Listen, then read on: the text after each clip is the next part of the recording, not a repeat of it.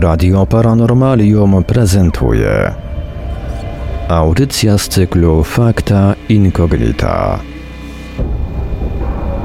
W dzisiejszym odcinku Fakta Incognita poruszymy temat z kategorii zakazanej archeologii. Przyjrzymy się bowiem pewnym tajemniczym strukturom na dnie oceanu, które niektórzy uważają za autostradę Atlantów. To tak słowem wstępu. Są z nami już po drugiej stronie połączenia internetowego Marek Żelkowski z Bibliotekarium oraz Piotr Cielebiaś z Niesnego Świata, a ja, Marek Sękiewelios, tradycyjnie będę kręcił gałeczkami, będę obsługiwał audycję strony technicznej, no i podam jeszcze tradycyjnie kontakty, pod którymi będzie można wysyłać komentarze do audycji, można do nas cały czas pisać na czatach Radia Paranormalium na www.paranormalium.pl oraz na czacie towarzyszącym naszej transmisji na YouTube. Można także wysyłać nam wiadomości drogą SMS-ową pod numer 530 620 493, 530 620 493, skype radio.paranormalium.pl. Jesteśmy także obecni na Facebooku, na fanpage'ach Radia Paranormalium oraz na grupach Radio Paranormalium i Czytelnicy Nieznanego Świata. Mamy także profile na Telegramie, tam również można do nas pisać, można komentować pod zapowiedzią audycji, a jeżeli ktoś woli, to możemy także wysyłać pytania, komentarze i różne inne wiadomości odnoszące się do naszej audycji na nasz adres e-mail radiomapa.paranormalium.pl. A więc Piotrze, oddaję Ci głos. Dobry wieczór, dobry wieczór. No tak, jak powiedział Ivelios, w dzisiejszym kolejnym odcinku Fakta Incognita, czyli tego jednego z formatów, e, który z Markiem Żelkowskim e, prowadzimy na Radiu Paranormalium, porozmawiamy o anomaliach z dna oceanu. E, na początek jednak tradycyjnie garść ogłoszeń parafialnych. Do kiosków trafia czerwcowy, ciekawy jak zwykle numer Nieznanego Świata, o którym więcej możecie dowiedzieć się na www www.nieznany.pl lub www.nieznanyswiat.pl. W nim dwa tematy bliskie zagadnieniom z pola zakazanej historii, o czym dzisiaj będziemy mówić. W czerwcowym Nieznanym Świecie Igor Witkowski pisze m.in. o tajemniczych, wiecznie płonących lampach. Drugie ogłoszenie jest takie, że na kanale Radia Paranormalium możecie odnaleźć piątkowe wydanie bibliotekarium pod tytułem Cienie Hatta – I tutaj był taki problem w piątek, bo mm, nastąpiły problemy techniczne ze strony YouTube'a i uniemożliwiło to normalną premierę. A posłuchać warto, bo oprócz tematów, yy, jakie zazwyczaj w bibliotekarium goszczą, opowiedzieliśmy z Markiem o życiu po życiu, o książce Raymunda Moody'ego, o samym autorze, który, który wywoływał yy, czasami skrajne reakcje, a także o tym, czy zagadka doświadczeń z pogranicza śmierci jest bliższa wyjaśnienia. No był też oczywiście segment o filmach y, i tam powiedzieliśmy o wilkołakach, ale to tak na, na, na, na, na marginesie. Y, także szukajcie tego bibliotekarium w, e, w, w, w archiwum Radia Paranormalium, mm, ale przejdźmy do konkretów związanych z dzisiejszą audycją. Drodzy Państwo, w ciągu mm, kilkunastu miesięcy archeolodzy mm, zajmujący się badaniem dna morskiego lub też inni badacze mm, tej sfery natknęli się w różnych miejscach globu na e, struktury dziwne, bardzo dziwne, leżące na różnych głębokościach. Do złudzenia przypominały one wytwory ludzkich rąk. E, czy to ślady zaginionych przed tysiącleciami cywilizacji? W jednym przypadku, o dziwo, naukowcy twierdzą, że tak. Natomiast pozostałe odkrycia y, no, budzą więcej spekulacji i są tak skrzętnie, albo też po angielsku, zamiatane pod dywan. Powód, no, jeżeli uznać by je za dzieło mm, Homo sapiens, musiałyby powstać setki tysięcy, jeżeli nie nawet niekiedy może miliony lat temu. Stąd tytuł naszego odcinka, taki lekko prowokacyjny: Autostrada Atlantydy. Czy mamy do czynienia z wytworami pracywilizacji, przynajmniej w niektórych przypadkach? A może to wszystko, jak mm, sugerują niektórzy, jedynie nasze chcieństwo, a tak naprawdę mamy do, e, do czynienia z cudami przyrody i geologicznymi anomaliami. Posłuchajcie ocencie i komentujcie. Jeżeli nam się uda, to w tej audycji postaramy się przemycić trochę zdjęć, które, które trafiły do sieci. Mam nadzieję, że Ivelios y, jakoś, jakoś sobie tam z tym poradzi, także od tej strony powiedzmy copyrightów, ale to zobaczymy. Y, pierwsze znalezisko, o którym mowa, to najmłodsze, zostało ogłoszone albo inaczej, napisano o nim w mediach, w internecie gdzieś na początku maja. E, chodzi o tajemnicze struktury z dna Adriatyku, z okolic chorwackiej wyspy Korczula. Na głębokości około 5 metrów odkryto tam pozostałości takiej, e, takich megalitycznych budowli. Początkowo nie wiadomo było oczywiście co to. Natomiast jedna z nich, ta najciekawsza, przypominała szeroką na około 4 metry drogę ze starannie ułożonych płyt kamiennych. No, wkrótce na, na miejsce wkroczyli badacze, znaleziono też inne artefakty, fragmenty ceramiki, czy też, czy też kawałki broni. No i to pozwoliło Marku na określenie wieku tego, tej, tej, tej drogi na dnie, drogi na dnie morza. Liczą one sobie około 7 tysięcy lat. Tak przynajmniej stwierdził pan Igor Bozić z Uniwersytetu w Zadarze. No i tak, 7 tysięcy lat to jest mniej więcej okres, 7 y, lat temu od dziś, to jest mniej więcej y, ten czas, kiedy zdaniem niektórych y, pierwsi Sumerowie, albo inaczej, pierwsi czarnogłowi zaczęli za, zasiedlać Sumer, stając się Sumerami. I dzisiaj wiemy, że to był okres, który no, nie był takim absolutnym mrokiem historii. Odkrycia takich stanowisk jak Göbekli Tepe czy Karahan Tepe, teraz odkryto jeszcze jedno, które jest dużo starsze, mm, pokazują nam, że, hmm, że wtedy tętniła cywilizacja. My mamy takie troszeczkę wyniesione ze szkoły inne wyobrażenie, bo jeżeli sobie wspomnicie, no nie wiem tam kiedy chodziliście do szkoły, pewnie każdy w innym okresie, no normalne, ale ja jestem z wykształcenia historykiem, z, z, ze specjalnością nauczycielską i muszę powiedzieć, że tak. Nie poświęca się temu okresowi w dziejach za dużo uwagi. Nie poświęcały się chyba nigdy. To znaczy, on jest w jakiś sposób markowany. Mówi się o Jerychu, mówi się o mm, tych miastach w Anatolii sprzed tysięcy lat, mówi się o cywilizacji Doliny Indusu. Natomiast y, jeżeli chcesz się dowiedzieć czegoś więcej, i natrafić na tkwiące w tym zagadki, musisz radzić sobie sam. Co jeszcze możemy powiedzieć, Marku, o tym, o tym odkryciu skorczuli? Bo ono jest troszeczkę inne niż pozostałe, które, którymi się dzisiaj zajmiemy. De facto przyznano, tak, jest to e, pozostałość po e, no, późno neolitycznej kulturze.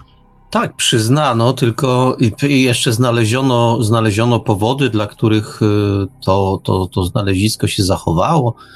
E, szczegółowo nam wyjaśniono, że to wyspy, ułożenie tych wysp, które tak są równolegle do wybrzeża, jest ich tam sporo i dzięki temu, że one tam są, to one fa przed falowaniem, przed, przed nadmiernym falowaniem chroniły te stanowiska, na których, na których drogi te pozostałości drogi obecnie mm, były, były no, się znajdowały pod wodą i w związku z tym one nie uległy zatarciu, zniszczeniu i tak dalej, i tak dalej. No, w sumie, w sumie piękna, piękna historia. Chyba po raz pierwszy tak, nie, chyba nie, ale rzadko, rzadko naukowcy, żałko, naukowcy przyznają, że coś tam jednak pod tą wodą jest. Ja tylko e, przypomnę, że w różnych regionach świata od Mm, tak zwanego trójkąta bermudzkiego poprzez Japonię, wybrzeża, wybrzeża Indii. Znajdowano różnego rodzaju struktury pod wodą i twierdzono, że to są właśnie pozostałości jakiejś tam cywilizacji. I jakby wbrew temu wszystkiemu, mm, naukowcy nie byli rozentuzjazmowani specjalnie tymi doniesieniami, to znowu pewna prywata. Mm, wiem, że jeden, znaczy wiem, wiem, bo go napisałem. Jeden z, jedna z części pana samochodzika, które pisałem, konferencji poświęconej archeologii podwodnej, na której, na której jedno z tych znalezisk właśnie w pobliżu Indii jest omawiane. Cała historia dotyczy zresztą, e, jakby jej, jej, jej początek silnie jest związany właśnie z badaniami podmorskimi. Później rzecz się troszeczkę zmienia, ale to, to zupełnie, zupełny margines. Natomiast, y, no cóż, ja myślę, że ta prehistoryczna droga, y, która była chroniona właśnie tymi, tymi wyspami, 13 stóp szerokości, czyli tak jak Piotr powiedział, około, około 4 metrów, no, zbudowana ze starannie ułożonych kamiennych płyt. E, dzisiaj, co prawda, pokryte to wszystko warstwą, no chyba błota, no w każdym razie tych osadów, które, które są, e, są na dnie. E, I że, że wy, było to wykonanie starożytnej, neolitycznej kultury Hawar, która kiedyś zamieszkiwała wschodni Adriatyk. No i gdzieś tam z pobliżu znajdowała się osada i to, to, tam była ta droga, która łączyła, łączyła ową osadę z, innym, z innymi miejscami. I tak jak to napisano w jednym z materiałów, ludzie, to, to zawsze tak do wyobraźni bardzo przemawia, ludzie chodzili tą drogą prawie 7 tysięcy lat temu, e, powiedział przedstawiciel jednego z uniwersytetów.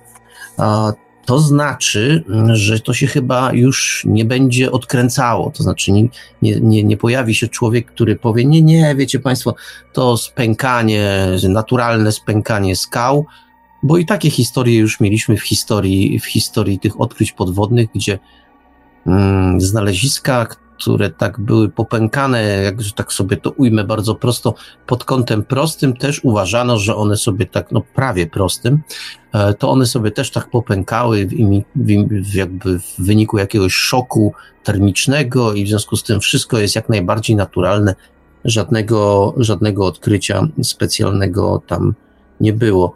Także, mm, no cóż, to znalezisko z, z Korczuli, to myślę, myślę taki, no, trudno to nazwać przełomem, trochę się, trochę się przed tym e, od, od tego odżegnuję, natomiast myślę, że ważna rzecz, że wreszcie dopuszczono, wiecie Państwo, 7 tysięcy lat to jednak są zamierzchłe czasy, ale nie wiem, czy coś z tego wyniknie. Ja jestem pełen, zresztą dzisiaj to Państwu przedstawimy, te wszystkie znaleziska, on, Piotr po tym powiedział, on ma się, mam takie wrażenie, że one gdzieś dosyć szybko spływają z głównego nurtu, gdzieś na margines, a później są świadomie e, zagrzebywane, zapominane i ponieważ one tak nie do końca pasują do tej oficjalnej wersji historii. No wiecie Państwo, tu żartuję w tej chwili, ale oficjalna wersja historii brzmi tak, że gdzieś tam w Tygrysem, Eufratem, no w każdym razie gdzieś tam, gdzie ten żyzny półksiężyc sobie mm, był, zaistniał, to tam się te pierwsze cywilizacje rozwijały, a gdzie tu nad Adriatykiem jakaś droga? Słabo pasuje, no może to kolonia ewentualnie i tak dalej, i tak dalej. W każdym razie no trochę się martwię, jak to, bo to świeże doniesienie, jak to, jak czas weryfikuje te, te, te, te, te nasze odkrycia, te, nie nasze, ale te odkrycia, którymi się dzisiaj e, tak ekscytujemy. Tak, e, z nimi bywa bardzo różnie z kilku powodów. Po pierwsze, mm, archeologia morska podwodna jest dość wymagająca i kosztowna. E, jeżeli pojawiają się jakieś odkrycia, informacje, to niestety często trzeba czekać na mm, kontynuację, nowe informacje bardzo długo. Inna sprawa, że nie zawsze to, co tam zostało, mm, z bliska wygląda tak y, dobrze, jak na przykład na wizualizacjach czy, mm, czy na fotografiach. Y, ale jest jeszcze jedna sprawa, Marku, bo tutaj, no jak, jakby nie było, ustalono, że, że, że ta droga na dnie morza, która rzeczywiście wygląda jak droga, jak jakieś tam kocie łby, zresztą bardzo szeroka, y, to jest dzieło kultury chwarskiej. E, jak, jak wszyscy mówią, sprzed około 7, 7 tysięcy lat. E, I okej, okay. zostało to zaakceptowane i wtłoczone w ramy tej konwencjonalnej historii. Niestety z pozostałymi niemalże analogicznymi i starszymi y, znaleziskami jest inaczej. O tym za chwilę powiemy. Zresztą wspomniałeś tutaj, że one bardzo szybko znikają z takiej publicznej dyskusji. Ja rzucę taki przykład, o którym jeszcze powiem na koniec. W roku 2014 pojawiła się w sieci, znaczy w sieci, w publikatorach naukowych informacja o tym, że kilkadziesiąt metrów pod wodą w okolicach Sycylii natrafiono na coś, co zostało wykonane ręką ludzką. Był to bardzo duży, bo kilkumetrowy monolit, niestety pęknięty na pół, z jakimiś żłobieniami. No i co? Jest tam, to jest zostało to po prostu w dużej mierze zapomniane. Nawet nie wiem, czy były jakieś badania, które kontynuowały i próbowały zgłębić, co to jest, ale jeżeli mowa o Adriatyku, Marku, jeżeli mowa o basenie Morza Śródziemnego, to chcąc nie chcąc wkraczamy na przepastne pole atlantologii. I wieść o odkryciu wybrzeży Chorwacji mm, tych y, podmorskich, tego podmorskiego traktu od razu kieruje nas w stronę kręgu kultury antycznej, Skąd wywodzi się, i tu mam problem, czy to jest mit, czy to jest raczej taki jakiś scenariusz dziejowy. Chodzi o Atlantydę. Y, we wspomnianym basenie Morza Śródziemnego archeolodzy natknęli się na ślady wielu mini-Atlantyd, y, które, czyli osad, czyli centrów cywilizacyjnych, czyli miast, które mogły których los mógł, a nie musiał lec u podstaw y, tej opowieści o Atlantydzie. W tym rozumieniu mielibyśmy nie jedną wielką Atlantydę, lecz, lecz cały szereg mniejszych, może nie tak bajkowych ognisk cywilizacyjnych, które były sukcesywnie pożerane przez naturę wskutek, wskutek katastrof naturalnych. Ta Atlantyda do dziś gdzieś tam pobrzmiewa w w ludzkich umysłach, rozpala wyobraźnię, chociaż jest troszkę już inaczej niż kiedyś. Troszeczkę archeologia poszła do przodu, mamy nowe zagadki, mamy nowe odkrycia mm, i ja na przykład patrzę na tą Atlantydę w ten sposób, że to jest taki mm, model rozwoju niektórych yy, ognisk cywilizacji nad Morzem Śródziemnym i nie tylko. I to wszystko mogło zostać upamiętnione jako, jako mm, jedno wydarzenie w tej opowieści, którą przekazał e, Platon. Marku, a ty jako filozof i religioznawca, jak odnosisz się do, do, do tej relacji Atlantydzie, której szukano przecież wszędzie, od Boliwii e, przez Wielką Brytanię po Indię i wszędzie znajdowano jakieś e, niewielkie, może jak powiedziałem, nie tak rozbudowane, jak to on opisywał, ale jednak podwodne ślady. No, trudno mnie traktować jako wyrocznie, wręcz przeciwnie powiedziałbym. A od razu jeszcze powiem, że e, ta opowieść Platona, którą zawarł w takim dialogu, który nosi tytuł Timaios, e, on, znaczy tuż po śmierci Platona rozpoczęły się już dyskusje, czy historia o Atlantydzie mm, jest prawdziwa E, to bardzo szybko, bardzo szybko podzieliło no, ludzi, którzy czuli się związani z naukami Platona. I tak naprawdę te dyskusje trwają do dzisiaj. E, co więcej, e, miałem okazję, miałem okazję zobaczyć, stwierdzić, jak mogą być czasami żywiołowe. O może tak to będzie najlepsze określenie tego, co, co zobaczyłem. W każdym razie mm, część autorów y, uważa, od starożytności uważa, że to jest rodzaj legendy, że ona stanowi taki mm, piękny, ta legenda, taki piękny filozoficzny mit, y, ściśle związany zresztą z treścią dialogów, że to miała być taka ilustracja, mm, ilustracja tego, co Platon chciał przekazać. Ja tylko przypomnę, że on tam e, w usta bohatera e, wkłada opowieść, e, którą ponoć ten bohater zawsze zapominam, jak on się nazywa, Kritias chyba, e, miał zasłyszeć u ateńskiego prawodawcy Solona i że to jest ta opowieść o Atlantydzie, wiecie Państwo, tym, tym tej e, wyspie, a właściwie tych, tych, tych, tych kręgach, e, specyficzna budowa. No jest tam zresztą ta Atlantyda dosyć szczegółowo opisana. W każdym razie ale warto też powiedzieć, że wśród tych antycznych autorów byli tacy, którzy wie, wierzyli bez zastrzeżeń w prawdziwość tego platońskiego przekazu. I w związku z tym nawet próbowali niejako rysować, odtwarzać. No w każdym razie wtedy jest na tyle szczegółowy u, u Platona, że pozwala się zastanawiać, czy to aby na pewno taki zwykły filozoficzny mit, czy też może stało za tym coś, coś bardziej konkretnego. Mm.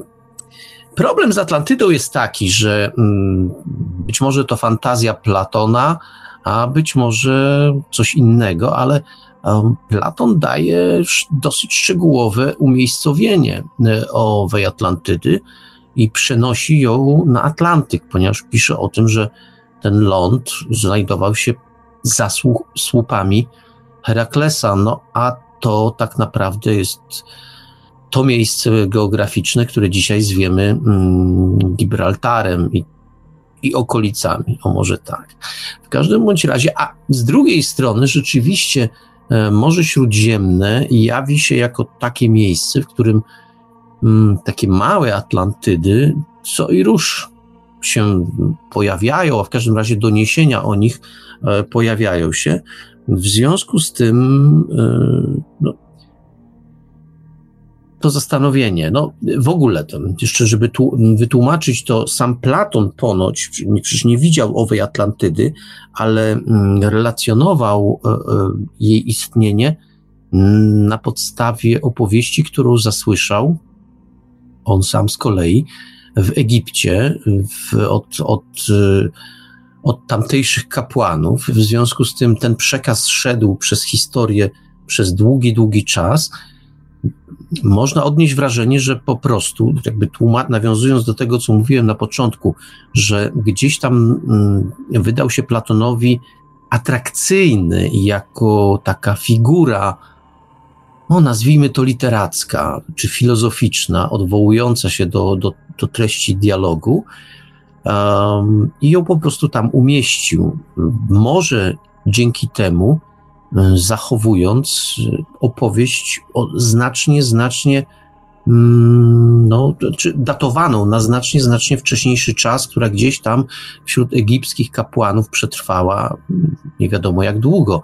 No, tylko zwrócę uwagę, że, że sama ta egipska cywilizacja, te piramidy i te wszystkie rzeczy, które oni wytwarzali, no to sobie potrwało kilka tysięcy lat, więc z jakich czasów owa opowieść, e, no, jak ją można, należy datować, to trudno właściwie powiedzieć. Więc na tak proste pytanie, jakie Piotrze zadałeś, na ile to może być prawda, na ile tylko powiedzmy mit filozoficzny, to właściwie trudno jest odpowiedzieć. Gdybyś pytał mnie, to wydaje mi się, że dzięki, to, to, już właściwie powiedziałem, że dzięki Platonowi przechowana została opowieść, jakiś, jakaś fragment jakiejś historii przechowanej przez kapłanów egipskich, a Platon, no cóż, Platon spełnił rolę kronikarza. Jemu ta opowieść o Atlantydzie była potrzebna do rozważań natury filozoficznej, a przy okazji dowiedzieliśmy się o czymś arcyciekawym. Tak, mogło być bardzo różnie z tą ewolucją historii Atlantydy w starożytnej Grecji. Otóż y, y, Platon relacjonuje to w ten sposób, że no Grecja przy Atlantydzie to jest w ogóle jakaś tam popierdółka cywilizacyjna. Y, Egipt to już jest coś, dlatego że Egipt miał przechować tą wiedzę o istnieniu Atlantydy. Ciekawe jest jednak to, że Sonhis, czyli ten kapłan ze świątyni w Sais, który, e, który jest źródłem tej opowieści, umiejscawia e, istnienie zaginionego lądu mniej więcej w tym samym czasie, kiedy mm, Obecnie no, datuje się te wydarzenia związane z e, tą wielką katastrofą, która położyła kres, powiedzmy, kiedyś był taki termin Stara Europa. To nie, nie, nie jest dokładnie Stara Europa już, ale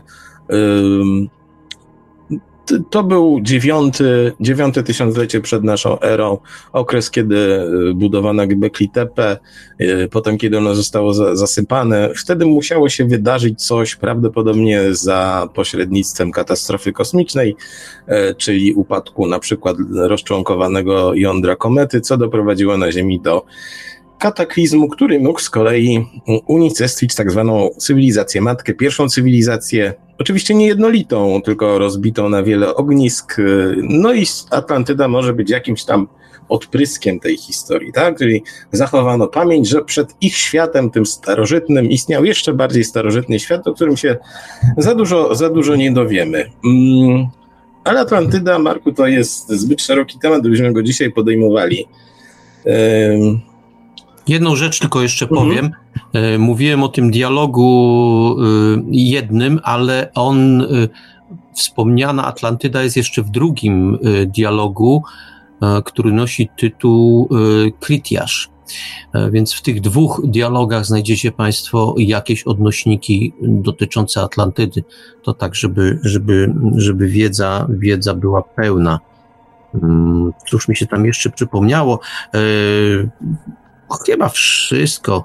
W każdym, w każdym bądź razie, w każdym bądź razie, a z, z, takich jeszcze, z takich jeszcze mm, ciekawostek, to warto sobie zdać sprawę, że Platon, tak jak powiedziałem, e, przesuwa Atlantydę gdzieś na Atlantyk, no i oczywiście znaleźli się e, tacy współcześni myśliciele czy badacze nieznanego, którzy zwracają uwagę na jakieś takie zbieżności. Czy z nich coś wynika? Nie wiem. Moim zdaniem nie za bardzo, ale i tak o tym opowiem.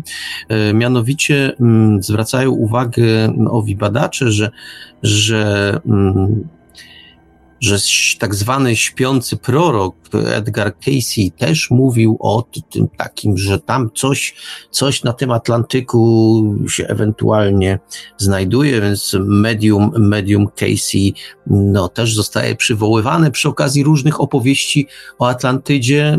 Nie mówię tego do, ani do wierzenia, ani do sprawdzenia, tylko raczej, żeby wiedzieć o tym, że bywa to wiązane.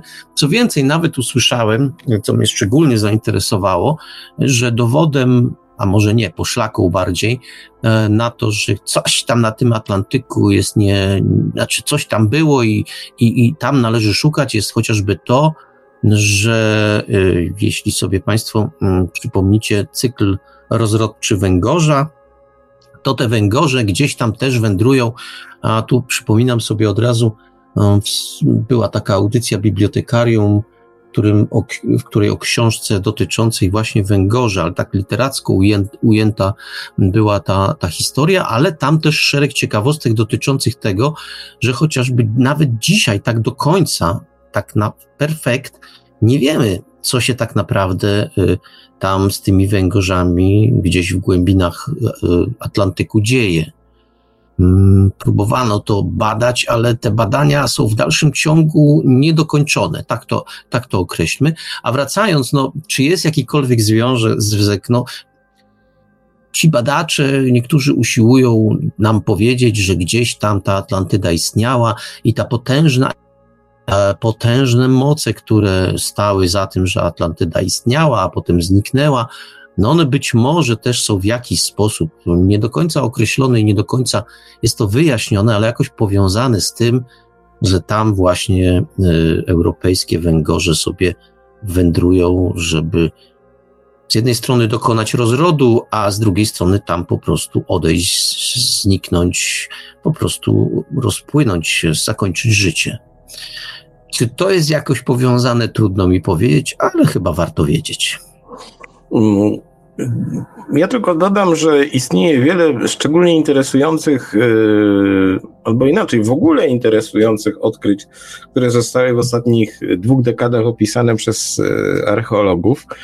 Tak mnie osobiście najbardziej zainteresowały yy, pozostałości mm, na słonych bagnach w, w, w Parku Narodowym Donania w Hiszpanii Mm, które według jednego z bodajże niemieckich uczonych y, przypominają jako żywo to, co opisał Platon, y, dlatego że po prostu budową przypominają Atlantydę. Mm, chodzi o takie wały, wały ziemne, których on się tam gdzieś dopatrzył. Wróćmy jednak do autostrad z dna morskiego, y, tych przysłowiowych oczywiście mm, traktów Atlantów.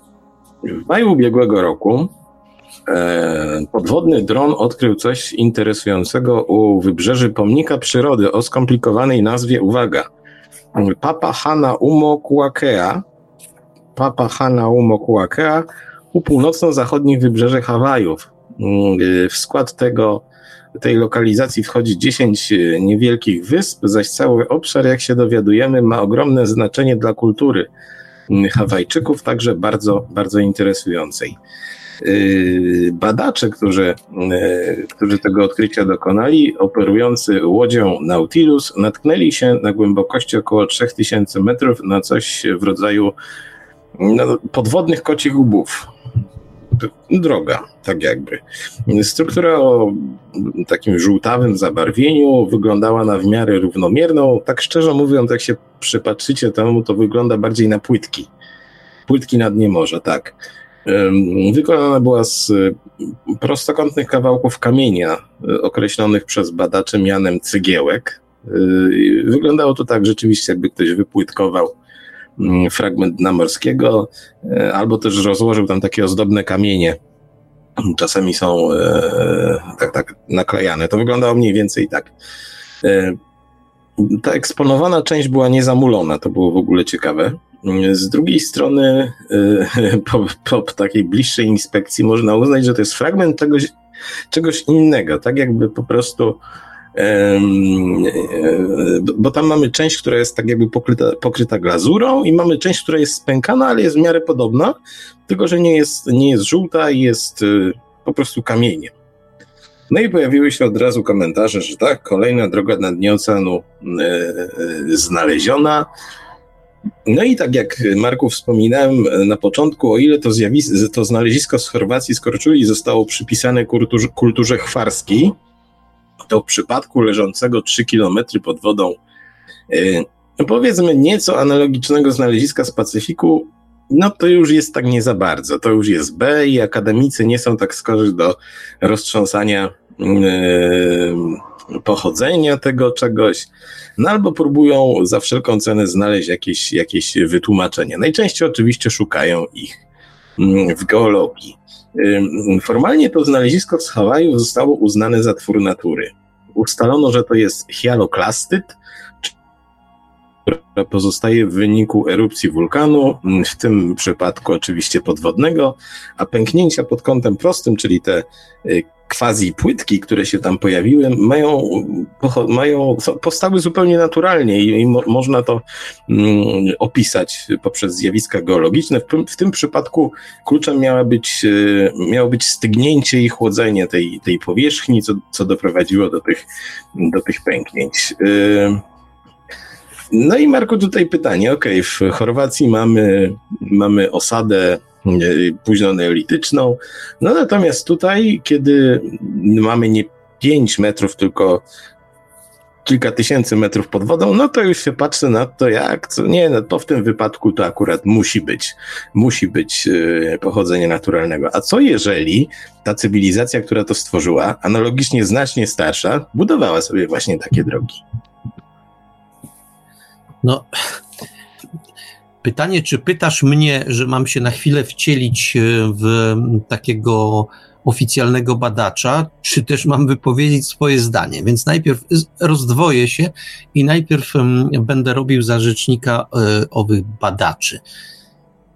Odnoszę wrażenie, że mm, to nie jest tak, bo mi się tak wydaje, tylko w swoim czasie czytałem jedną książkę na temat stosunków pomiędzy, pomiędzy naukowcami na zachodnich uniwersytetach. Ta mm, książka dotyczyła akurat nauk ścisłych fizyków. No i wierzcie mi Państwo, kiedy my w Polsce narzekamy na mm, taką strukturę uniwersytecką i mówimy o tym, że ona ma feudalne korzenie, że tam e, nigdy racji nie może mieć ktoś, mm, kto jest, y, kto ma niższy stopień naukowy, no to wierzcie mi Państwo, w tych y, zachodnich uniwersytetach wygląda to bardzo podobnie. A drugim, drugim takim e, tak, taką informacją, która dała mi wiele do myślenia, były doniesienia o mm, pani archeolog, y, która zajmowała się, czy też geolog, tu akurat nie pamiętam, w każdym razie zajmowała się kraterem uderzeniowym, związanym, no, jednym z tych, tych dużych kraterów. Konkretnie chodzi o ten, który znajduje się w Ameryce Środkowej który być może, być może to z, z, jego upadkiem związane są e, kłopoty na przykład dinozaurów. I kiedy ona usiłowała dawno, dawno temu mm, przeforsować tezę, która później okazała się prawdziwa, kiedy e, dotyczyły, dotyczyło to właśnie tego, żeby zbadać, zbadać ten już dzisiaj mało widoczny, więc należałoby określone, określone badania i to takie bardzo szczegółowe wykonać, zaangażować w to mm, spore środki, to nikt jej nie chciał słuchać. W rezultacie skończyło się to tym, że jej dobrze zapowiadająca się kariera naukowa o, przestała, się, przestała się dobrze zapowiadać i pani została wypchnięta z, ze środowiska naukowego, ponieważ głosiła rzeczy, które wtedy jeszcze mm, no, nie były trendy, nie były, nie były przyjęte przez naukę, no i w związku z tym no, znalazła się poza. To, że jakiś czas później do sprawy wrócono i ten krater uderzeniowy tam rzeczywiście znaleziono, no to co z tego? No ale pani nie trafiła na swój czas, na swoje miejsce i to najlepiej pokazuje, jaki stosunek y, mają tak zwani prawdziwi naukowcy do faktów, ewentualnie do faktów, w każdym razie do, do pewnych znalezisk, które należy zbadać i uczynić je faktami.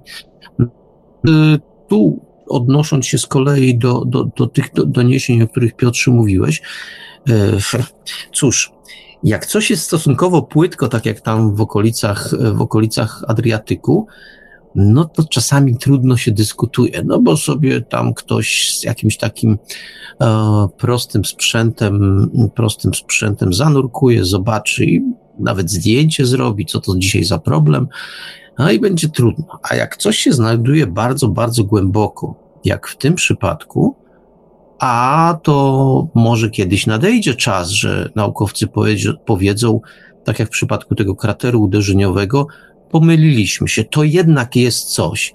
Ale póki co, żeby nie zmieniać mm, utartego już i w sumie mm, przyjętego przez świat nauki kalendarza kalendarza dotyczącego tego, co było w przyszłości, jak to się wszystko kształtowało, co było po czym, co było przed czym i w ogóle jak to się mniej więcej kitłasiło w tych odległych, odległych wiekach, nawet właściwie tysiącleciach, to jak nie trzeba, to na razie żyjmy sobie w ciepełku, żyjmy sobie w spokoju nie ekscytujmy się rzeczami, które, no, znajdźmy pierwsze e, w miarę jeszcze trzymające się kupy wyjaśnienie, chociażby takie właśnie, że te, że te podwodne, podwodne miejsca pękały pod kątem prostym, to w przyrodzie jest możliwe. Nie można mówić, że nie.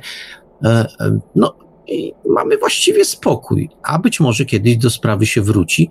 I to jeśli miałbym, miałbym wypowiadać się na ten temat, aczkolwiek mówię, nie byłem tam, widzę, widziałem to tylko e, w postaci zdjęć. Mnie natomiast zawsze martwi, kiedy, kiedy sami naukowcy przyznają, że rzecz nie jest zbadana z racji chociażby głębokości, na której znajdują się te, znajduje się owo znalezisko. Nie jest zbadana dokładnie. I to troszeczkę przypomina tę sytuację bardzo często w naszych czasach, którą ja nazywam e, nie wiem za wiele, ale się wypowiem. No więc troszeczkę tak zachowują się naukowcy.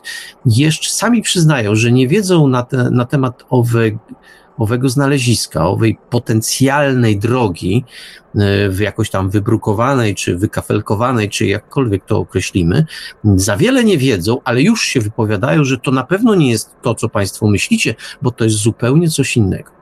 I ja wcale nie twierdzę, że oni na pewno kłamią i że na pewno, na pewno chcą nas zwieść, ale zawsze nieufnie podchodzę do takich, y, takich kategorycznych stwierdzeń y, w sytuacji, w której ja do takich y, kategorycznych stwierdzeń wcale bym się nie odwoływał. Dlaczego? Dlatego, że rzecz moim zdaniem tak przynajmniej jak o tym czytałem, wcale nie została zbadana dogłębnie. My, posi posiłkując się różnymi innymi takimi mm, odniesieniami do innych nauk, sami wiemy o tym, że czasami naukowcy mają coś niejako na talerzu podane, a i tak potrafią rozważać, czy to jest może to, a może jest coś innego. To moim zdaniem tym bardziej w przypadku znaleziska leżącego głęboko, głęboko pod wodą, mm, takie kategoryczne wypowiedzi no, są co najmniej, tak, ja to powiem, nie na miejscu.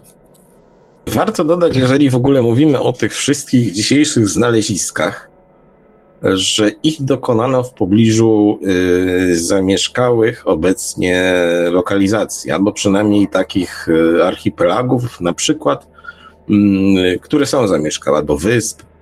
Y, czyli nie są to miejsca gdzieś tam na środku oceanu, gdzie po prostu znaleziono coś takiego, tylko w pobliżu miejsc, które wystają dzisiaj z wody. Mm, także pytanie oczywiście jest do geologów, y, jak długo dana struktura, albo kiedy musiała dana by struktura powstać, która leży przykładowo na 3000 e, metrów w danej części świata, aby, no, aby uznać ją za dzieło rąk ludzkich. Był, był taki przykład, o którym jeszcze za chwilę powiemy, z Kuby, gdzie znaleziono takie podwodne struktury, dziwne bardzo, no i wtedy jeden z geologów kubańskich powiedział, no dobra, ale gdyby to zrobił człowiek, to musiałoby, stosując tutaj wszelkie mm, kalkulacje, powstać jakieś 50 tysięcy lat temu co najmniej. 50 tysięcy. Przypomnijmy, że no oczywiście to nie są jakieś y, nie, nie, niesamowite wartości z punktu widzenia antropologii czy też geologii, natomiast historii cywilizacji już tak ale o tym dokładniej za sekundę. Nim przejdziemy, Marku, do, mm, do, do, do tego trzeciego znaleziska z ostatnich kilkunastu miesięcy, które drogą może nie było, ale też było dość interesujące, mm, to mm, mały blast from the past, czyli coś z przeszłości. Bo te trakty z dna morskiego odkryte w ostatnim czasie przywodzą na myśl najsłynniejsze tego typu odkrycie dokonane w jeszcze innym rejonie świata. Chodzi tu tak, o tak zwaną Bimini Road, czyli drogę Bimini i każdy, kto jest wiernym czytelnikiem e, książek o zagadkach historii, czy też paleostronautyce, to wie o co chodzi. Chodzi o takie wielkie kociołby na dnie morza w, w rejonie archipelagu Bimini.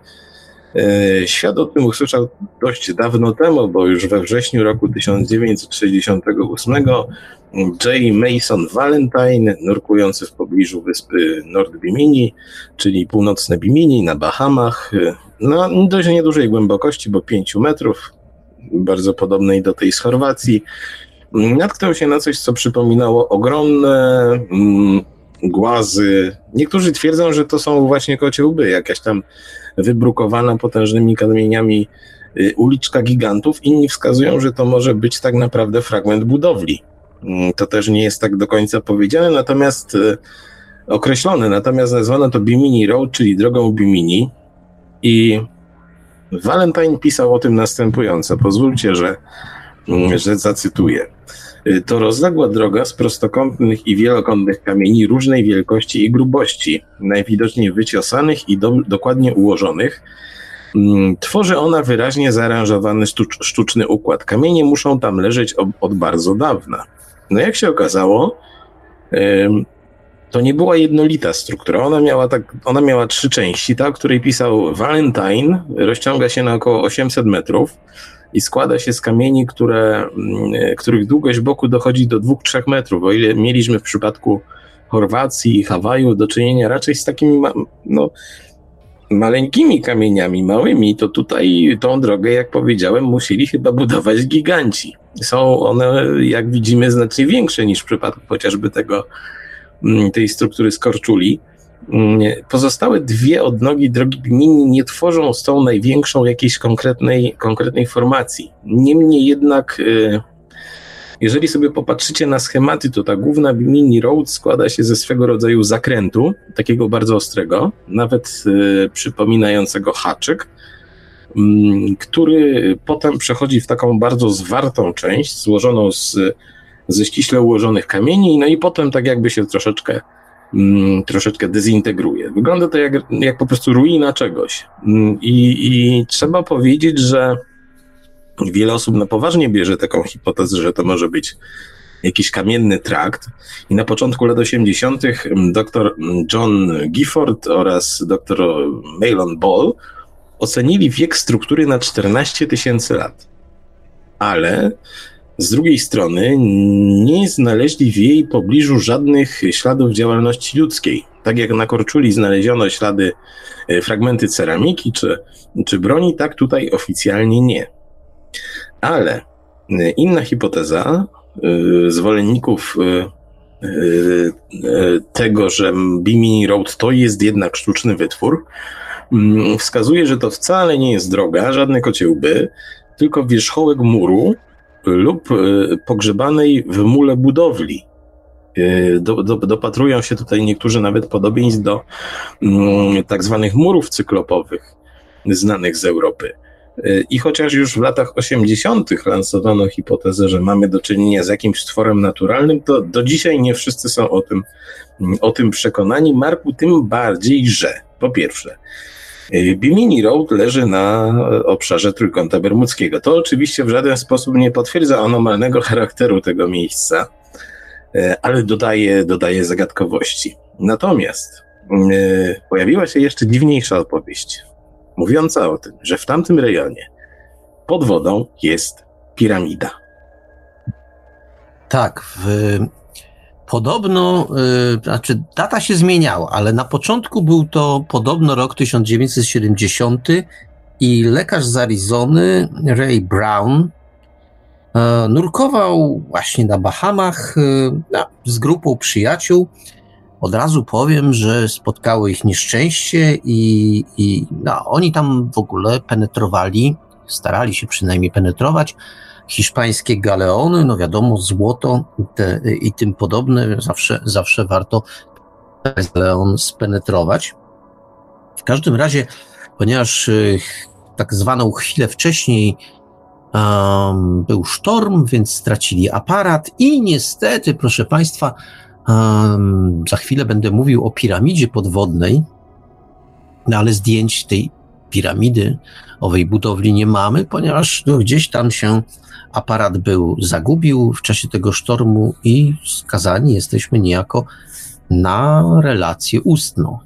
No i Brown przypomniał sobie, mm, opowiadał w każdym razie, że podczas nurkowania oddzielił się od e, swoich towarzyszy, od czwórki swoich towarzyszy, no i próbując za nimi jakoś nadążyć, dołączyć do nich, natknął się na coś, co przypominało podwodną piramidę. Ale to, proszę Państwa, e, nie koniec opowieści, bo to byłoby za słabe. Trzeba było tej opowieści dołożyć jeszcze coś e, i w, w różnych miejscach, ale między innymi w jednym z wywiadów dla telewizji w 80 roku oznajmił coś takiego. Ruiny i budynki były wszędzie. Mm, mówił także, że wyglądały one jak egipskie lub e, klasycystyczne. E, oszacował, że mm, ta piramida, na którą się natknął, e, pośród tych różnych innych budynków, znajdowała się na głębokości około 40 metrów, na jej wysokość to około 35 metrów mówił o tym, że była, że tak dla niego e, część tej piramidy była ukryta pod dnem morza. E, e, cóż, te połączenia bloków skalnych, z których wzniesiona była owa piramida, były niemal niewidoczne i temu to przypisywał, że ona przetrwała. Znaczy to tak mocne połączenie, ścisłe połączenie sprawiało, że ona nie uległa, przynajmniej według niego, destrukcji. No ale to, to jeszcze byłoby za mało, bo Brown mówił też o tym, że odkrył e, podczas tego swojego samotnego nurkowania, odkrył wejście do piramidy. No i oczywiście wszedł tam. Znalazł się w takim porokątnym pomieszczeniu, a oczywiście nie miał ze sobą latarki. No, wiadomo, jak człowiek nurkuje, to latarki ze sobą nie zabiera. A w każdym bądź razie, no, no nie miał. Mm, więc troszeczkę, troszeczkę działał po omacku. Niemniej jednak zdołał zobaczyć, e, co znajduje się w środku. A w środku, według niego, znajdowały się rzeczy przedziwnie, przedziwne. E, pomieszczenie nie było porośnięte żadnymi wodorostami, żadnych tam, żadnego zielska tam, tam, tam państw nie, nie znalazł, um, ale ściany nie za bardzo, gładkie ściany, nie za bardzo przyciągały jego y, uwagę, bo z wierzchołka, mm, znaczy z sufitu, z sufitu y, owego pomieszczenia zwisał metalowy pręt, który według niego miał około 8 cm średnicy. Na jego końcu znajdował się przedmiot, który on określił mianem klejnotu.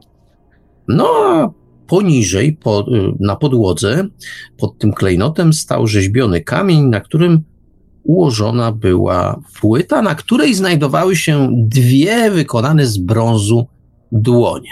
A pomiędzy nimi umieszczona była kryształowa kula, którą Bro, Brown postanowił zabrać ze sobą. E, wcześniej próbował odczepić wprawdzie ten metalowy pręt od sufitu, ale nie za bardzo mu szło, nie dał rady w każdym i yy, i tu kolejna, kolejne doniesienie, tak zwane sensacyjne, bo kiedy opuszczał pomieszczenie w piramidzie, usłyszał wewnątrz głowy głos, który go ostrzegał, aby nigdy nie wracał w to miejsce. Tak, to jest pierwsza historia. Ona jest oczywiście niesamowita i oczywiście niezwykła. Z tym, że ta historia ma wiele później narosłych y, wokół niej podhistorii, a w każdym razie historii, które nazwałbym alternatywnymi. E, to znaczy, tam się czasami nie zgadzają y, daty, bo najpierw to był rok 1970, jak mówiłem, później wypływa data 1968. E, podobno też wypłynęło, że wtedy on nurkował, pływał pod wodą z, ze słynnym badaczem Jacques'em Cousteau, hmm, co się nie potwierdziło później ani razu. W każdym bądź razie hmm, tak mniej więcej ta historia wygląda i tu przyznam, że z racji tego, że on nie za bardzo ona jest udokumentowana, opieramy się tylko i wyłącznie na, na zeznaniach głównego bohatera, no to no to ona jest mało wiarygodna. No trudno, proszę Państwa. Chociaż, chociaż warto też podkreślić, że ta kula jednak mm, została w jego rękach, on ją, on ją wyciągnął i tam podobno wewnątrz tej kuli można było dostrzec, w zależności od tego, jak się patrzyło, albo właśnie piramidy, niektórzy dostrzegali tam również oko. No w każdym razie te, te, te, te, te te opowieści e, bardzo pobudzają i do dzisiaj chyba pobudzają wyobraźnię. Ale zastanawiam się, czy one robią źle sprawie. No, nie wiem przede wszystkim, czy ktoś, kto próbuje sprzedać publice taką historię. Dobrze, inaczej.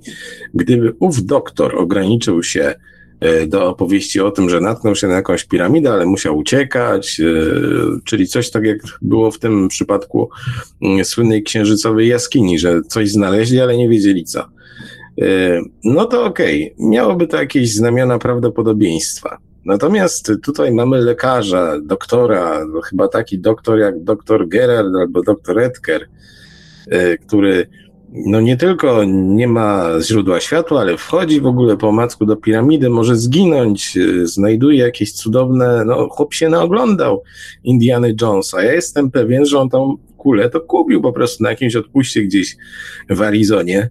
Mm, I, I tyle z tego. Był taki czas, kiedy dorabiano naprawdę sporo opowieści do, do różnego rodzaju anomalii, dlatego że Ameryka tak funkcjonuje, dlatego nie należy do końca nie tyle, że ufać, ale trzeba zawsze brać poprawkę na to, e, co się stamtąd słyszy. Dlatego, że oni są w stanie spieniężyć wszystko. I czasami im, im lepsza opowieść, tym, tym większe zyski. E, przykładów możemy dać mnóstwo, chociażby ci, e, ci słynni Warrenowie, demonolodzy, o których jest teraz tak głośno, którzy przeżywają renesans popularności. To byli naciągacze, zwykli, tacy pospolici. E, Patrick Wilson i Vera Farmiga, którzy grają ich w filmach, to, to nie są prawdziwi Warrenowie, to są Warrenowie upudrowani. Mm, trochę za daleko może odbiegłem od tematu, ale nie zmienia to faktu, że droga Bimini istnieje.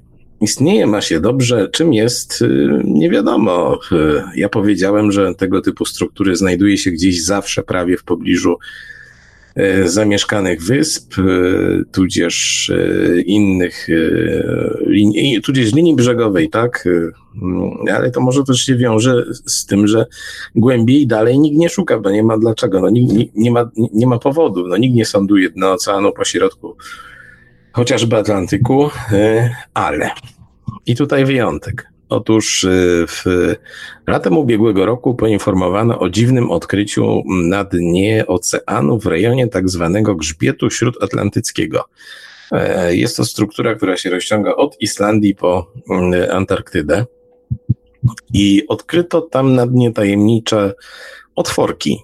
I one są wykonane w regularnych odstępach, wyglądają troszeczkę jak jak takie, no nie wiem jak to powiedzieć, jakby ktoś je po prostu wykuł, wybił. E, są w miarę regularne oczywiście. Nie jestem w stanie tego powiedzieć z dokładnością co do centymetrów.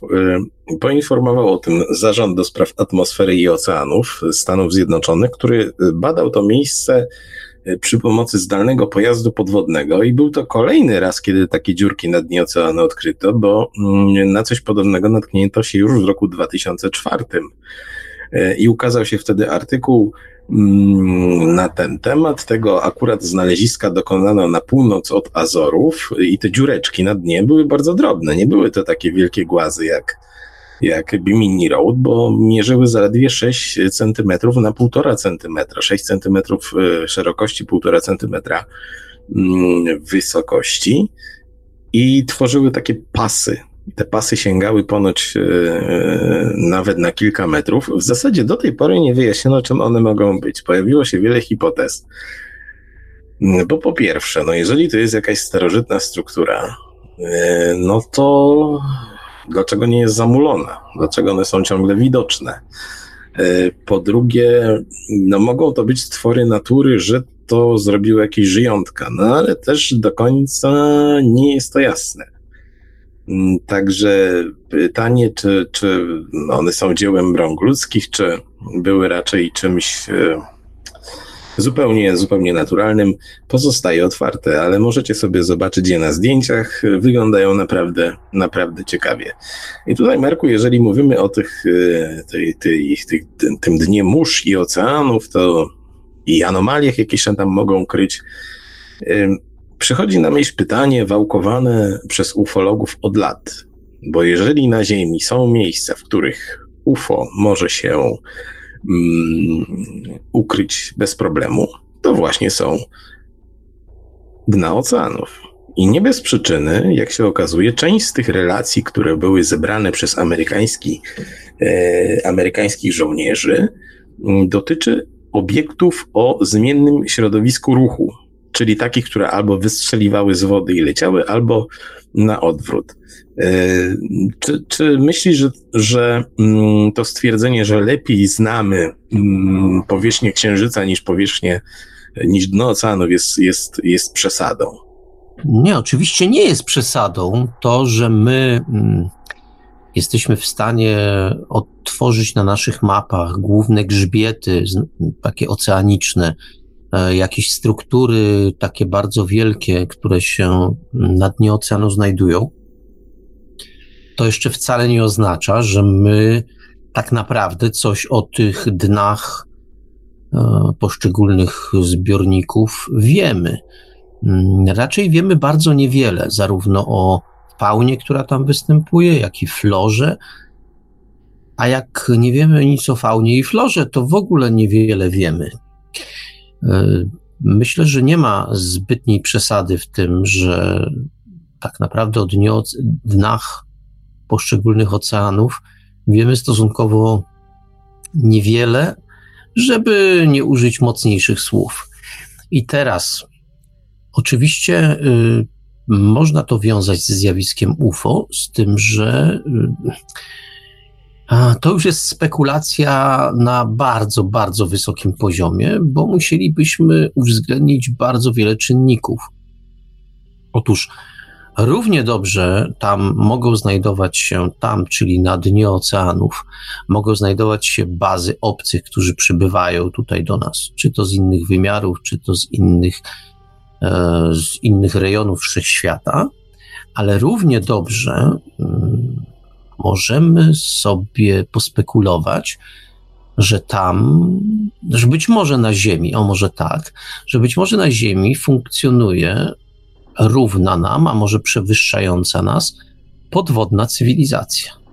Skoro tak niewiele wiemy o, o, o, o tym, co się na dnie oceanów znajduje, to dlaczego nie? Ona kiedyś, ona, czyli ta cywilizacja, mogła się kiedyś e, z ludźmi kontaktować, a w tej chwili przewyższała ich wtedy znacznie, jeśli chodzi o rozwój mm, technologiczny przede wszystkim, ale od pewnego momentu doszła do wniosku, że nie ma co, tu cudzysłów ogromny, z wariatami mm, pertraktować. Trzeba przeczekać, zobaczyć w jakim kierunku to pójdzie i być może mm, to byłby paradoks ogromny, gdyby okazało się, że zjawisko UFO to tak naprawdę o, to są jakieś tam pojazdy obserwacyjne, szeroko pojęte, pojętej obserwacji, była podwodna cywilizacja. To oczywiście nie byłyby żadne humanoidy. No, pod wodą miejsce humanoida no, niespecjalnie dla mnie znaczy, to, to niespecjalnie miałoby uzasadnienie, raczej jest to rzeczywiście podwodna cywilizacja, jak ona wygląda, jak wyglądają osobniki, które, które ją reprezentują, trudno powiedzieć. Pewno należałoby zajrzeć do różnych starych mitów, różnych, mm, różnych kultur, pewno coś by się znalazło, ale moim zdaniem jest to ciekawa koncepcja i prędzej upatrywałbym chociażby w tych y, otworkach, o których mówiłeś, Piotrze, mm, równie dobrze, może nie prędzej, ale równie dobrze upatrywam, upatrywałbym jakiejś działalności ufonautów, ale zadałbym pytanie, kim są owi ufonauci? Czy tymi przybyszami z daleka, z daleka, czy bez względu na to, czy chodzi o przestrzeń, czy chodzi o wymiar, a może są to mm, efekty działalności. Hmm, zastanawiam się, jak to określić, czy siostrzanej cywilizacji. No nie, siostrzanej nie, ale cywilizacji, którą zrodziła również Ziemia. Tylko ta cywilizacja na razie wzięła sobie, odpuściła Zauważmy, że, mm, że ona może zupełnie spokojnie, taka cywilizacja mocno rozwinięta, może zupełnie spokojnie przy naszym przynajmniej stanie wiedzy i obserwacji świata, może zupełnie spokojnie penetrować kosmos, może w ten kosmos latać, może w ogóle różne cuda robić i pojęcia o tym mieć nie będziemy, szczególnie jeśli ona jest rozwinięta bardziej od nas, ale to powtarzam, to są z mojej strony w tej chwili mm, absolutne spekulacje, ale ciekawe, muszę przyznać, mm, bo to byłoby, to byłoby, mm, ja wiem, takie, takie no, ekscytujące, gdyby się okazało, że na jednej planecie zrodziły się dwa, dwie rasy, które, które wyposażone są w rozum. I to nawet jest zgodne, zgodne z różnymi zasadami, na które powołują się biolodzy, że powiedzmy, są takie nisze ekologiczne, no to my, jeśli, jeśli tak jest, jak powiedziałem, czyli jakaś rasa rasa rzeczywiście gdzieś tam w okolicach dna oceanu funkcjonuje, to my zajmujemy, my, czyli ludzie i oni ewentualnie, zajmują dwie zupełnie nie nachodzące na siebie nisze, więc właściwie dlaczego nie?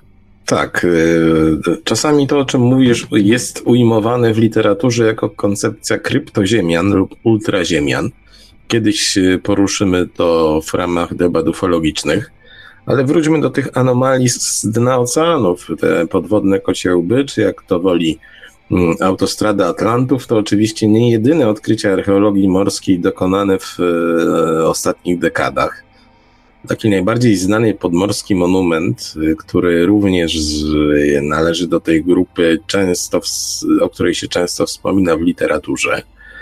Mm, leży jakieś 100 metrów od południowego wybrzeża japońskiej wyspy Yonaguni i do dziś jest y, y, przedmiotem żywej dyskusji wśród geologów i archeologów, jako że przypomina po prostu dzieło ludzkich rąk. Mm, konkretniej mamy prawdopodobnie do czynienia z podwodnym monolitem, który obecnie podwodnym, kiedyś wystającym, wystającym na powierzchnię, który został ukształtowany ludzką ręką. Stąd tam te różne przejścia, tarasy i tak dalej, i tak dalej. E, no ale Yonaguni to kwestia dobrze znana, mm, opisana i obfotografowana. Mm, są też inne znaleziska, mniej, mniej popularne. E, I one potwierdzają takie dwa scenariusze historyczne. Pierwszy, klasyczny, mówi o tym, że mm, poziom oceanów miał w przeszłości niebagatelny wpływ na rozwój nadmorskich osad i po prostu, jak to się mówi, morze zabrało wiele, wiele z nich.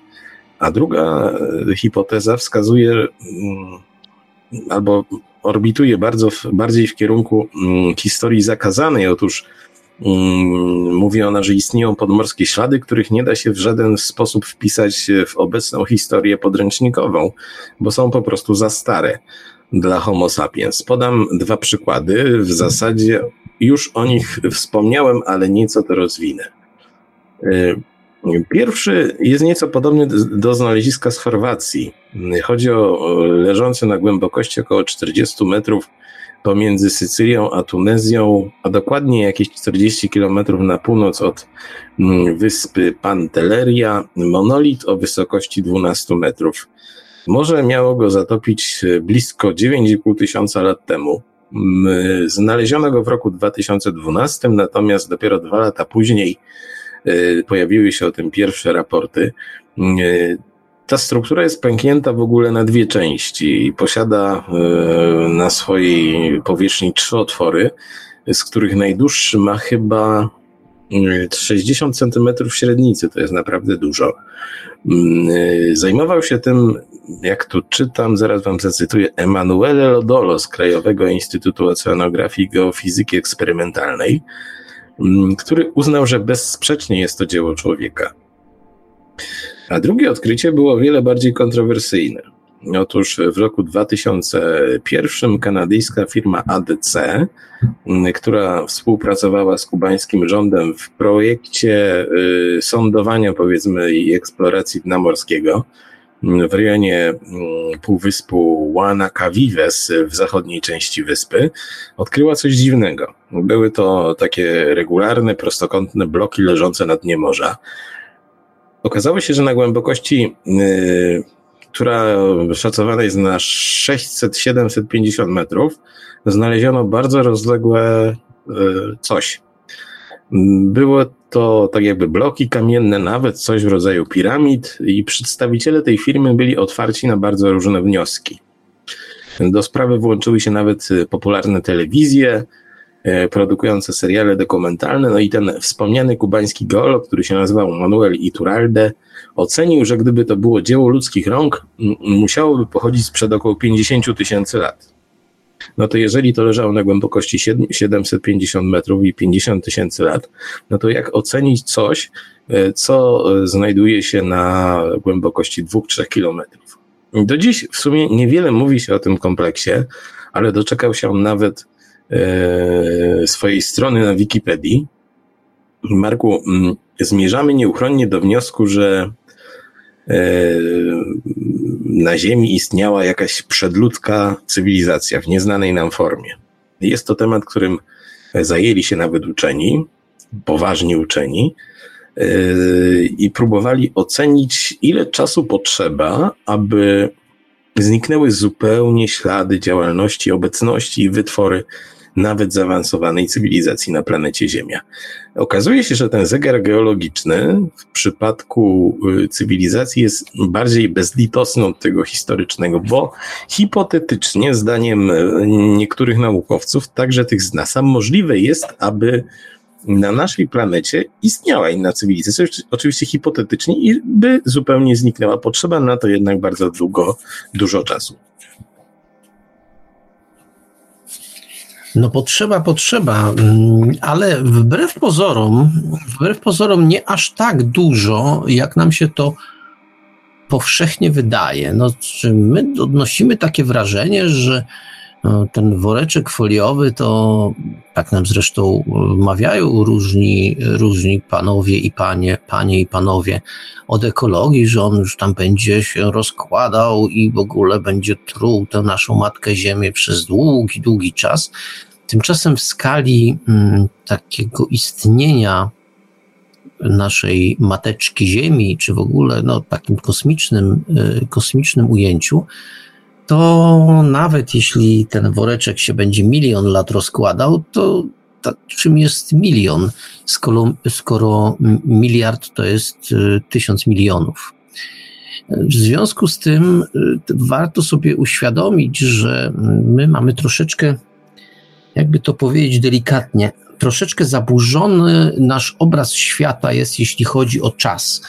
My bardzo, bardzo mamy taką tendencję do tego, żeby mówić sobie, a no to jednak milion lat to, to, to dużo jest. No tak, tylko cały czas podkreślam, że nasze rozumienie czasu jest jednak takie zawodne, tak jak rozumienie w ogóle pewnej gradacji, pewnej następczości historycznej.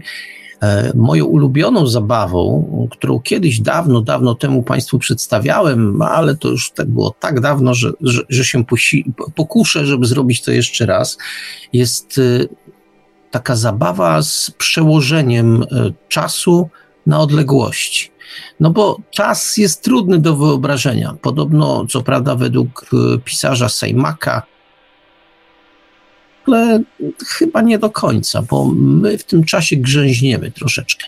No to sobie wyobraźmy w takim razie, że jeden, jeden rok to będzie jeden centymetr. To 100 lat, cały wiek, to będzie metr. I to jeszcze nie szukuje. Tysiąc lat, czyli tyle, ile istnieje, troszkę więcej niż istnieje państwo polskie, w każdym razie to miejsce na mapie, które, które zajmujemy, E, czyli tysiąc lat, to jest 10 metrów. 10 tysięcy lat, no troszeczkę tak tuż po tym, jak zlodowacenie minęło, no to macie Państwo 10 tysięcy lat, to jest tylko 100 metrów. 100 tysięcy lat, no to już całkiem poważny, poważny czas, ale te 100 tysięcy lat to będzie kilometr. Ktoś powie, no słusznie, to już kawałek drogi jest. No tak, ale milion lat to jest 10 kilometrów, gdybyśmy to przeliczali w dalszym ciągu, przyjmując jeden rok równa się 1 centymetr. 1 miliard lat, czyli powtarzam, 1 miliard to 1000 milionów, 1 miliard lat to będzie 10 tysięcy kilometrów. No i warto tu teraz rzucić na ten, ten ocean czasu warto sobie pewne rzeczy uświadomić. Te dinozaury, który, do, który, które tak lubią dzieci i my bardzo chętnie w filmach oglądamy, to dinozaury pojawiły się w okresie Triasu. Tak, jakieś 240, no 230 kilka milionów lat temu, to jakbyśmy to przełożyli według naszej, naszej skali, to będzie 2370 kilometrów. I te dinozaury stanowiły dominującą grupę mm, wśród kręgowców takich buszujących po lądzie. E, mniej więcej od czasów Jury, czyli 201 milionów lat temu, czyli 2000 kilów, do końca Kredy 66 milionów lat temu, 660 kilometrów.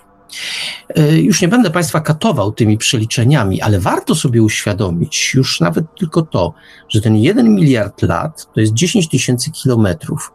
E, zajmijmy się ostatnim miliardem, bo ten jest bogaty w życie. Te pierwsze, o, tam różne rzeczy się podobno działy, ale to jednak Ziemia to nie była, e, te, w tych, tych pozostałych miliardach to nie była jakaś taka planeta, która w której, na której byłoby dużo życia. W związku z tym zajmijmy się tym ostatnim miliardem lat.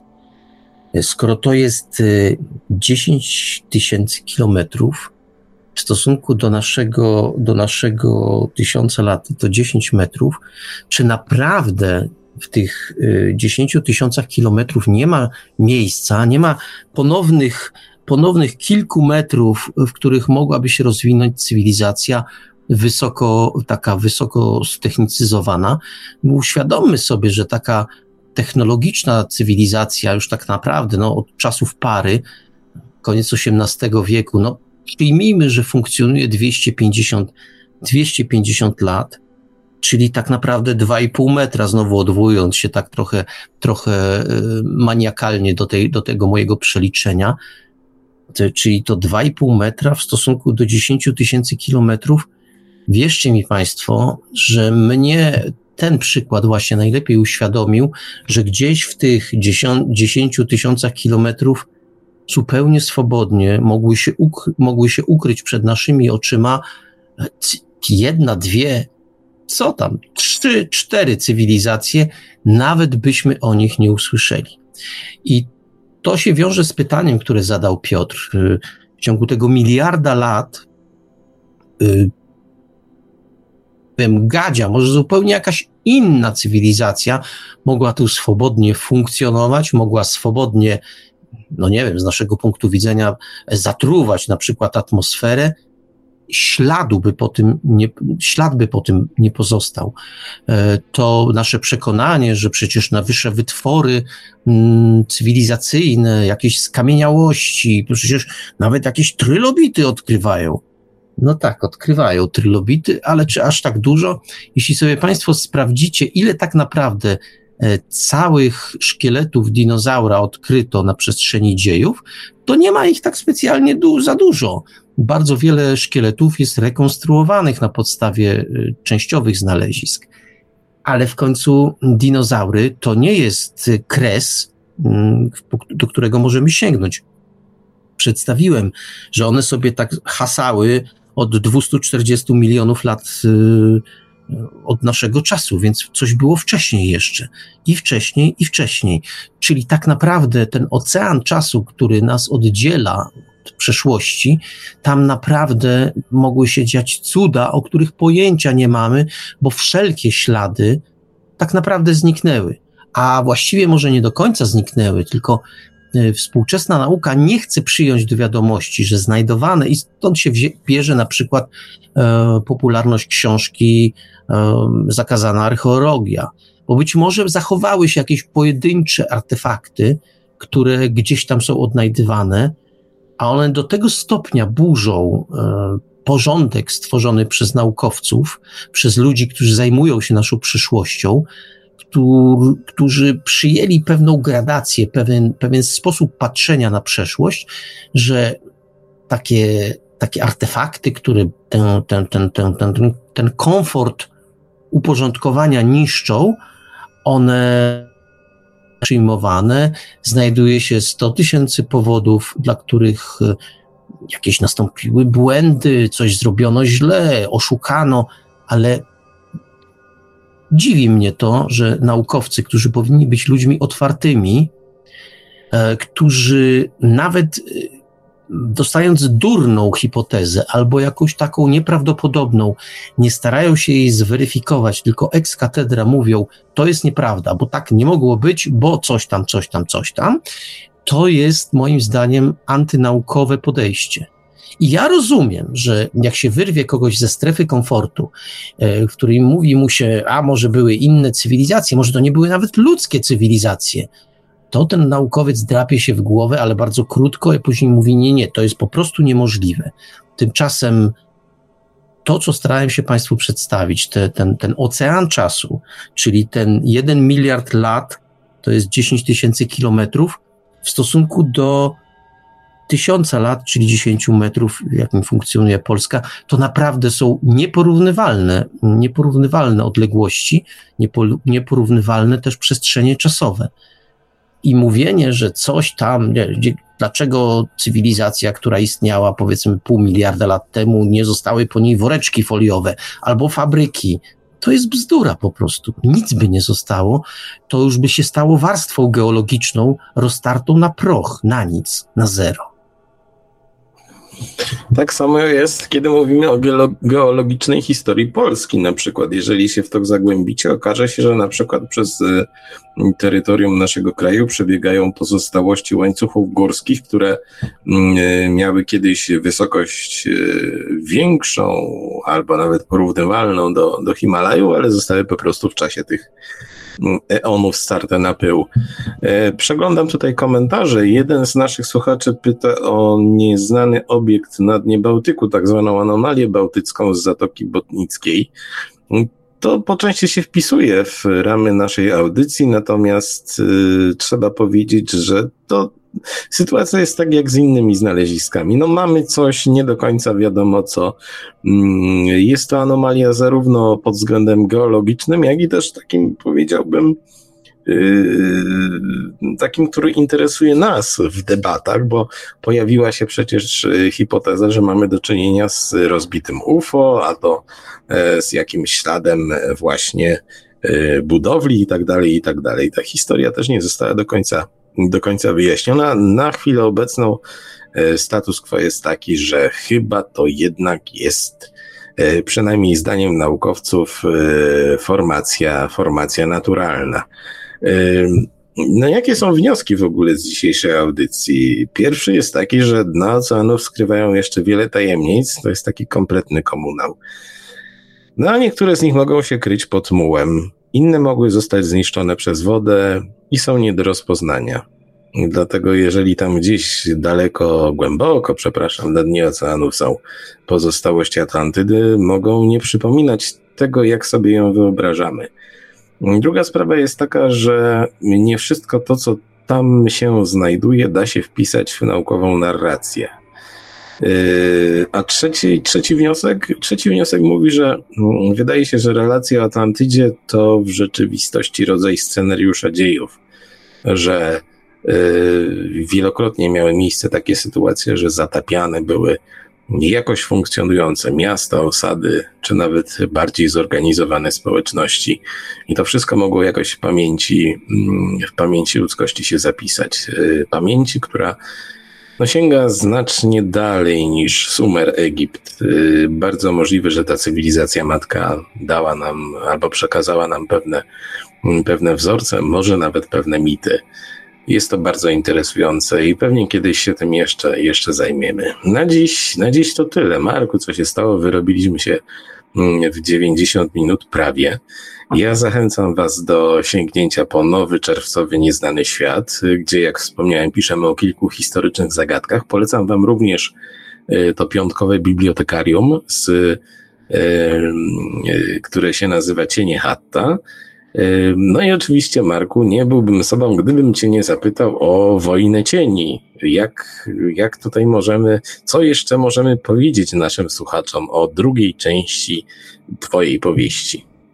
No, cóż możemy powiedzieć? Przede wszystkim to, że od początku czerwca ona będzie do nabycia drogą kupna. Ta druga część, co bardzo, bardzo mocno podkreślam, ona się narracyjnie nie wiąże z częścią pierwszą, odbywa, jest to ten sam świat. Oczywiście ten świat buduje gdzieś przede mną tom trzeci, e, który mm, pokaże, czym ten świat tak naprawdę jest, ale w tym drugim tomie, o ile pierwszy to była taka klasyczna space opera, kilka rzeczy się w niej nie zgadzało, co zostało zresztą przez czytelników zauważone. Nie zgadzało się w tym drugim tomie, nie zgadza się jeszcze więcej. Mamy w pewnym momencie wrażenie, taką mam przynajmniej nadzieję, że czytelnicy będą mieli taką nadzieję, że ten świat Y, no, coraz bardziej. No, z jednej strony dzieje się, strzelają się między innymi i różne, różne rzeczy się dzieją, ale kiedy się wchodzi w świat drugiego tomu, to nagle człowiek ma wrażenie, że tam coś się nie zgadza. To zaczyna, myślę, bardzo tak dręczyć czytelnika, bo te sygnały są bardzo wyraźne. Dostajemy komunikaty, że ten świat, chociaż go już właściwie znamy, to chyba go jednak nie znamy tak do końca, bo on w kilku miejscach odmawia współpracy, takiej, takiej po prostu i z bohaterami, i z czytelnikiem, coś się nie zgadza.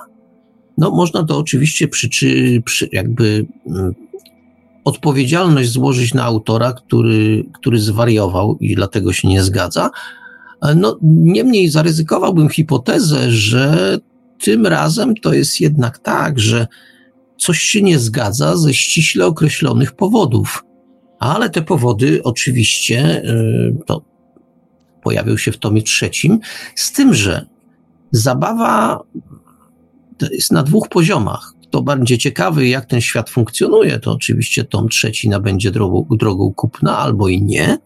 Natomiast y, jeśli chodzi y, o zabawę taką bezpośrednią, taką bieżącą, to tom drugi myślę, taką mam przynajmniej nadzieję, że dostarczy ją, państw, ją Państwu w y, stopniu znacznym. To jest 550 stron, 800 tysięcy znaków czystej rozrywki, tak naprawdę, wydawać by się mogło. Te wszystkie tam głębsze treści są tak poukrywane, żebyście Państwo gdzieś tam kiedyś w pewnym momencie po trzecim tomie powiedzieli: Ach, faktycznie, Żelkowski gadał o, o tym od początku, tylko nie widzieliśmy tego po prostu, ale to wszystko było. Natomiast tu dostajecie Państwo ogromną porcję rozrywki, dzieje się, tak jak powiedziałem, strzelają się, gonią się, yy, podkładają sobie świnie, walczą ze sobą wywiady, walczą ze sobą komandosi, różne siły specjalne. Ogólnie jest ogólna zadyma, jak to w ludzkiej cywilizacji, bo to przeniesienie gdzieś tam w odległy, odległy czas, y, tylko to ma na celu, żebyśmy troszeczkę inaczej się w tym lustrze przejrzeli. I to tyle, bo i tak już za dużo i za długo o tym mówię. I chciałem jeszcze powiedzieć, że chyba za dwa tygodnie mniej więcej odniesiemy się w bibliotekarium do, do książki Zakazana, autor, y, Zakazana archeologia Michaela Cremo, czy Crimo. To już właściwie za półtora tygodnia. Tak, zobaczymy, co tam u, u, niego słychać. Pojawi się też troszeczkę krytyki pod jego, pod jego adresem. No ale to była, to była książka, która ukształtowała myślenie na temat, mm, powiedzmy, historii alternatywnej wielu pokoleń E, szczegól, szczególnie w Polsce, gdzie była niezwykle popularna.